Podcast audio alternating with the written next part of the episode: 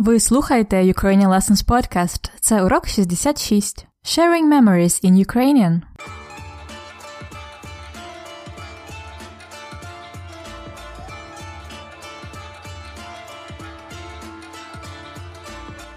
Привіт! Мене звати Анна. Я вчителька української мови, і ви слухаєте подкаст Уроки української. Як завжди, я розпочинаю подкаст невеликим вільним вступом. У мене все добре. Зараз я у Філадельфії, в Сполучених Штатах. Я записую цей подкаст, а за вікном іде сніг. Сьогодні січень, а завтра вже буде лютий. У Філадельфії погода така сама, як у Києві. Взимку холодно і сніжно, а влітку досить спекотно. Тому мені не треба звикати до погоди. Чесно кажучи, я не дуже люблю зиму. Мені більше подобається м'яка погода, коли не холодно і не жарко. Ну, а якщо ви давно слухаєте мій подкаст, то ви знаєте, що моя улюблена пора року осінь. До речі, у нас на подкасті був урок про погоду. Це епізод номер 16. Ви можете повернутися в перший сезон і послухати його. А зараз почнімо цей урок, епізод номер 66. But before we start, as always, let me tell you everything I've just told in English. I told you that everything is fine with me. У мене все добре. I'm in Philadelphia, and while recording this episode, it's snowing behind my window. Today is still січень, January, but tomorrow it's going to be already лютий, February. The climate in Philadelphia is just like in Kyiv, so I don't have to get used to it. However, I prefer м'яку погоду, mild weather. And if you happen to listen to the earlier episodes in the podcast, you might know that осінь, autumn, is my favorite time of the year. By the way, you can listen to the episode about the weather on the podcast. It's number 16. You can easily access it at ukrainianlessons.com slash episode 16. And now let's start this lesson. Episode number 66. During the second season, I've been trying to give you some explanations and context for the cases in Ukrainian. You might have noticed that we went through five of them already. Do you remember their names? Let's recap. The basic form nominative case is called in Ukrainian називний відмінок. Повторіть. Називний відмінок. It uh, names називає називний. Then genitive case. Родовий відмінок. Родовий відмінок. Dative case. Давальний. Давальний відмінок. Accusative case. Знахідний. Знахідний відмінок. From the verb знайти. To find. І the last one we've learned is instrumental case. Орудний відмінок. Орудний відмінок. We have looked at each of those cases, though we will probably get back to some of them in the future episodes because for sure we didn't cover all their uses, especially the instrumental case, орудний відмінок. You will be able to learn more about uh, this and other cases in the future episodes. And today we are going to learn or review the sixth case in Ukrainian. Місцевий відмінок. Locative case. Місце is a place, location. Місцевий відмінок. And good news, it's the easiest one. We have already talked about it in the episode 26 in the season 1. But today we are going to review and deepen your understanding of it. І, звичайно, of course, in the real life context. Ви будете слухати розмову, діалог між Вікою і Сергієм. Віка показує своєму другу Сергію фотографії зі своїх подорожей. Слухайте і спробуйте запам'ятати чи записати, де вона була навесні, де вона була влітку, де вона була восени і де вона була взимку. So, Vika is showing the pictures from her trips to her friend Serhiy. Try to remember or write down Де Віка була навесні? Where was she in spring? Де Віка була влітку? Where was Vika in summer? Де Віка була восени? In autumn. І де Віка була взимку? In winter. Готові? Слухайте діалог перший раз. Хочеш подивитися фотографії? Так, звичайно. Це я і Максим в Ужгороді минулої весни. Ми гуляли, ходили в музей, добре провели там час. А ще ми дуже смачно їли у ресторані. Так, закарпатська кухня особлива. А це восени. Осінь моя улюблена пора року. На фото я та мої друзі Іванка, Сашко і Ленка. Ми ходили разом в похід в Карпати. Це було дуже важко, але і дуже гарно. А ще в горах ми збирали гриби. А де це? Це на Азовському морі минулого літа. Погода була фантастична. Ми добре там відпочили, купалися, засмагали. А я їздив на Чорне море влітку. А це де? О, це Львів взимку. Максим і діти їздили у Львів на Різдво. Але я була вдома, бо захворіла. Як шкода. Так, Львів чудове місто. І влітку, і взимку. Let me remind you the questions. Де вона була навесні? Де вона була влітку? Де вона була восени? Де вона була взимку? Слухайте діалог ще раз і спробуйте відповісти на запитання. Хочеш подивитися фотографії? Так, звичайно. Це я і Максим в Ужгороді минулої весни. Ми гуляли, ходили в музей, добре провели там час. А ще ми дуже смачно їли у ресторані.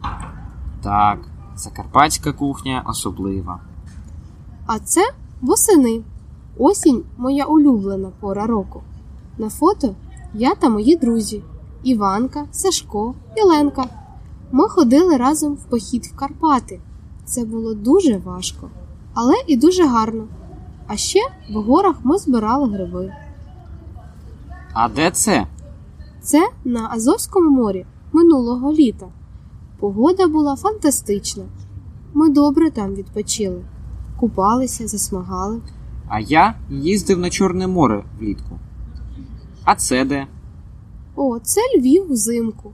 Максим і діти їздили у Львів на Різдво. Але я була вдома, бо захворіла. Як шкода. Так, Львів чудове місто. І влітку, і взимку. Добре, то запитання один було де Віка була навесні?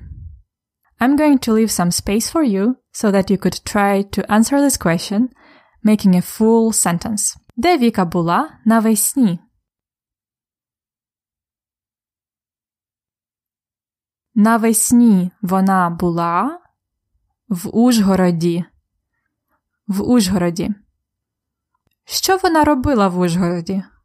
В Ужгороді вона гуляла, she was walking, ходила в музей, went to the museum, добре провела там час, had a good time there, і смачно їла у ресторані, and had delicious food in the restaurant.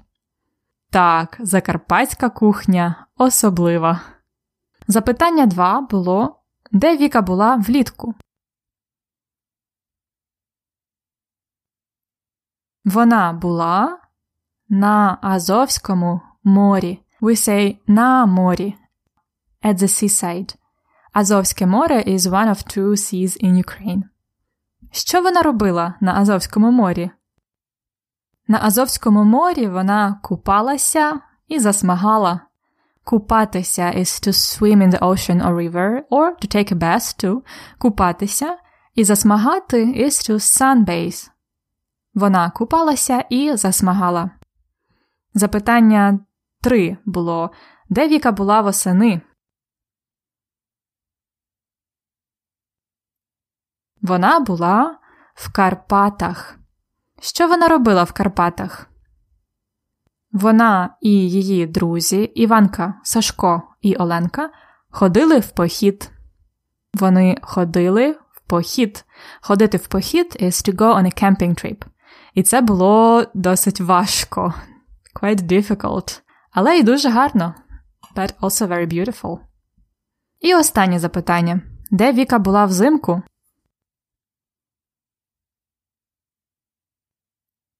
Вона була вдома. She was at home. Чому вона була вдома? Тому що вона захворіла. She got sick. Вона захворіла. А її чоловік і діти були у Львові. Як шкода, Сергій says. Як шкода. Too bad. Як шкода. Добре. А тепер яке закінчення має іменник в місцевому відмінку? Could you tell me now the ending of the noun in locative? В Ужгороді, на Азовському морі, у Львові. We are talking about the location here, so we use locative. And the ending of the big majority of nouns in locative is simple. It's E. Віка була в Ужгороді, на Азовському морі, у Львові. If the noun ends with я, you will hear more like ї. Філадельфія у Філадельфії. А де Віка була восени? В Карпатах. В Карпатах ах або ях is the ending of plural nouns like Карпати в Карпатах, Нідерланди Netherlands в Нідерландах, Чернівці it's soft ці. That's why we hear у Чернівцях ях. Also, Vika says А ще в горах ми збирали гриби. А ще в горах ми збирали гриби. And also in the mountains в горах we were picking mushrooms. В горах is plural locative. And what about the adjectives in locative? The endings of adjectives are ому before the masculine or neuter nouns. For example, у радянському Союзі in the Soviet Union. Союз union is masculine, so we say у радянському Союзі. У старому місті in the old town. Місто is neuter, so we say у старому місті. Before the feminine nouns, we would use the adjective with, with і. У східній Європі. Європа is feminine, so we use східній Європі. In the Eastern Europe. And before the plural nouns, the ending for adjectives is их. В українських Карпатах. In Ukrainian Carpathians. В українських Карпатах. Добре. Coming back to the nouns again, it's E for most of words. However, as always, life is not so easy and there are exceptions.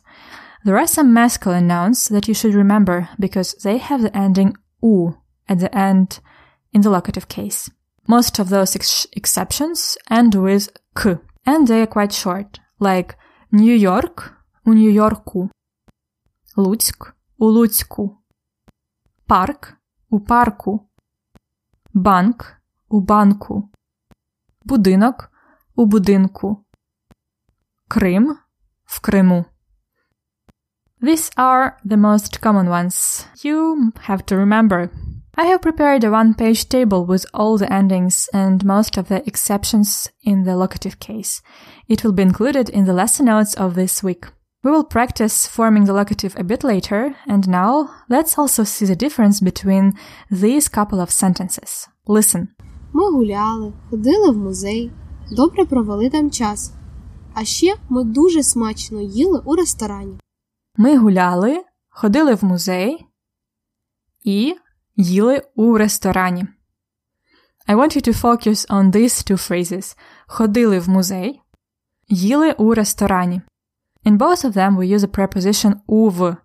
These are just two phonetic variations of one preposition. In the case of їли у ресторані, у is used with a locative. As we can hear і їли у ресторані. However, ходили в музей. In музей there is no і, so it's not locative. Ходили в музей. В музей is accusative, знахідний відмінок. It's the same preposition, but the meaning is different. Ходили в музей is destination. We went to the museum, towards the museum, or into the museum. It was a goal. So the question here is куди? Where to? В музей. And їли у ресторані is the location. Де? Where? У ресторані. So we use the accusative case with destinations, куди, where to, and locative case with the locations. Where? Де?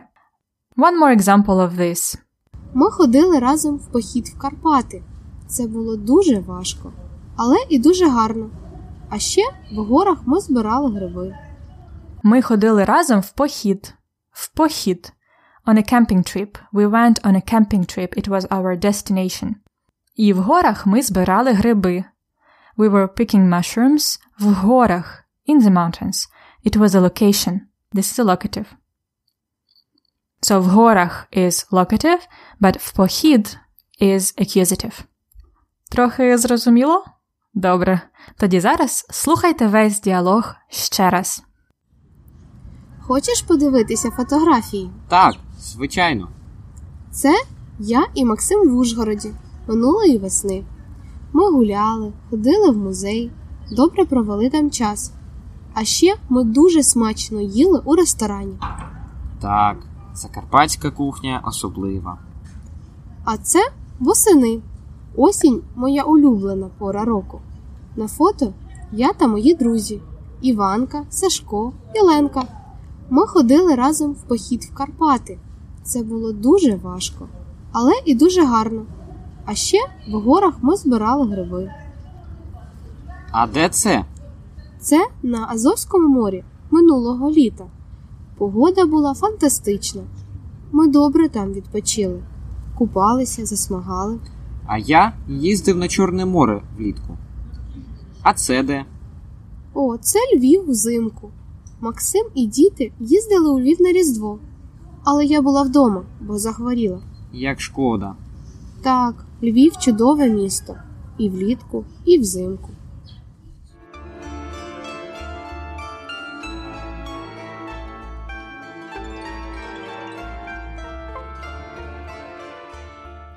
Practice time at Ukrainian Lessons Podcast. Put these words into the locative case. 1. Україна. В Україні. 2. Полтава. В Полтаві. Very easy. 3. Суми. Ukrainian city. Суми. У Сумах. It's plural, so we use ах. Сумах. 4. Європа. У Європі. 5. Франція. У Франції. At the end we have ї with two dots. 6. Наш університет. У нашому університеті. We use the ending ому for наш because університет is masculine. 7. Ваша вулиця. На вашій вулиці. On the street we say на вашій вулиці. Ваша is feminine. 8. Сполучені Штати Америки. У Сполучених Штатах Америки. So we say Сполучених Штатах, it's plural locative, and America stays the same because it is accusative coming from States of Ameri- America. У Сполучених Штатах Америки. 9.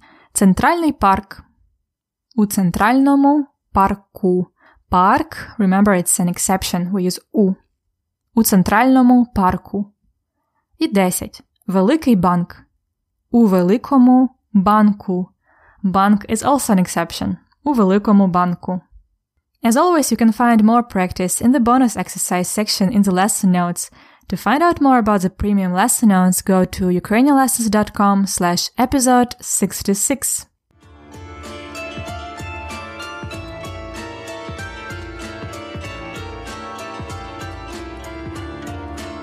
Культурний факт на подкасті.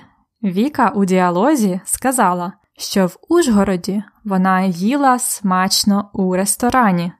Сергій сказав Так, закарпатська кухня особлива. Що таке закарпатська кухня? Закарпаття Transcarpathia is the area in the western Ukraine behind the Carpathian Mountains, за Карпатами. It has borders with Hungary, Romania, and Slovakia, and that's why the culture and people there are so unique. Well, especially the cuisine. As you can imagine, Zakarpatska kuchnia is super diverse as it embraces Ukrainian, Hungarian, Romanian, Slovakian, Czech, and other dishes. Here are a few yummy examples. Bohrach is the first thing that comes to mind. The original recipe requires cooking on fire, so it's the whole experience of it, not just a dish. It's a kind of thick soup with meat, potatoes, a lot of sweet pepper, and some local spices, also with a bit of carrots and tomato paste. Another dish is bob goulash. It's also a soup made of beans and smoked meat again with pa- paprika, tomatoes or tomato paste, potatoes, spices, and greens. Kremsliki are the Transcarpathian variation of my favorite dish, deruny. These are pancakes from grated potatoes. Kremsliki can be stuffed in different ways. It can be either onion fried with salo, pig's fat, or an egg. Mamaliga or tokan is a porridge from corn flour boiled in water. It is usually served with sour cream and brinza, salty cheese. Palachinti are thin, flat pancakes stuffed with cheese, meat, mushrooms. Paprikash is a dish made from meat or fish with sour cream sauce and flavored with paprika. Tokan is a dish from beef and sweet pepper with spices, different vegetables, and mushrooms. So diverse and so delicious. Welcome to Ukraine to try those all. Ласкаво просимо до України і смачного!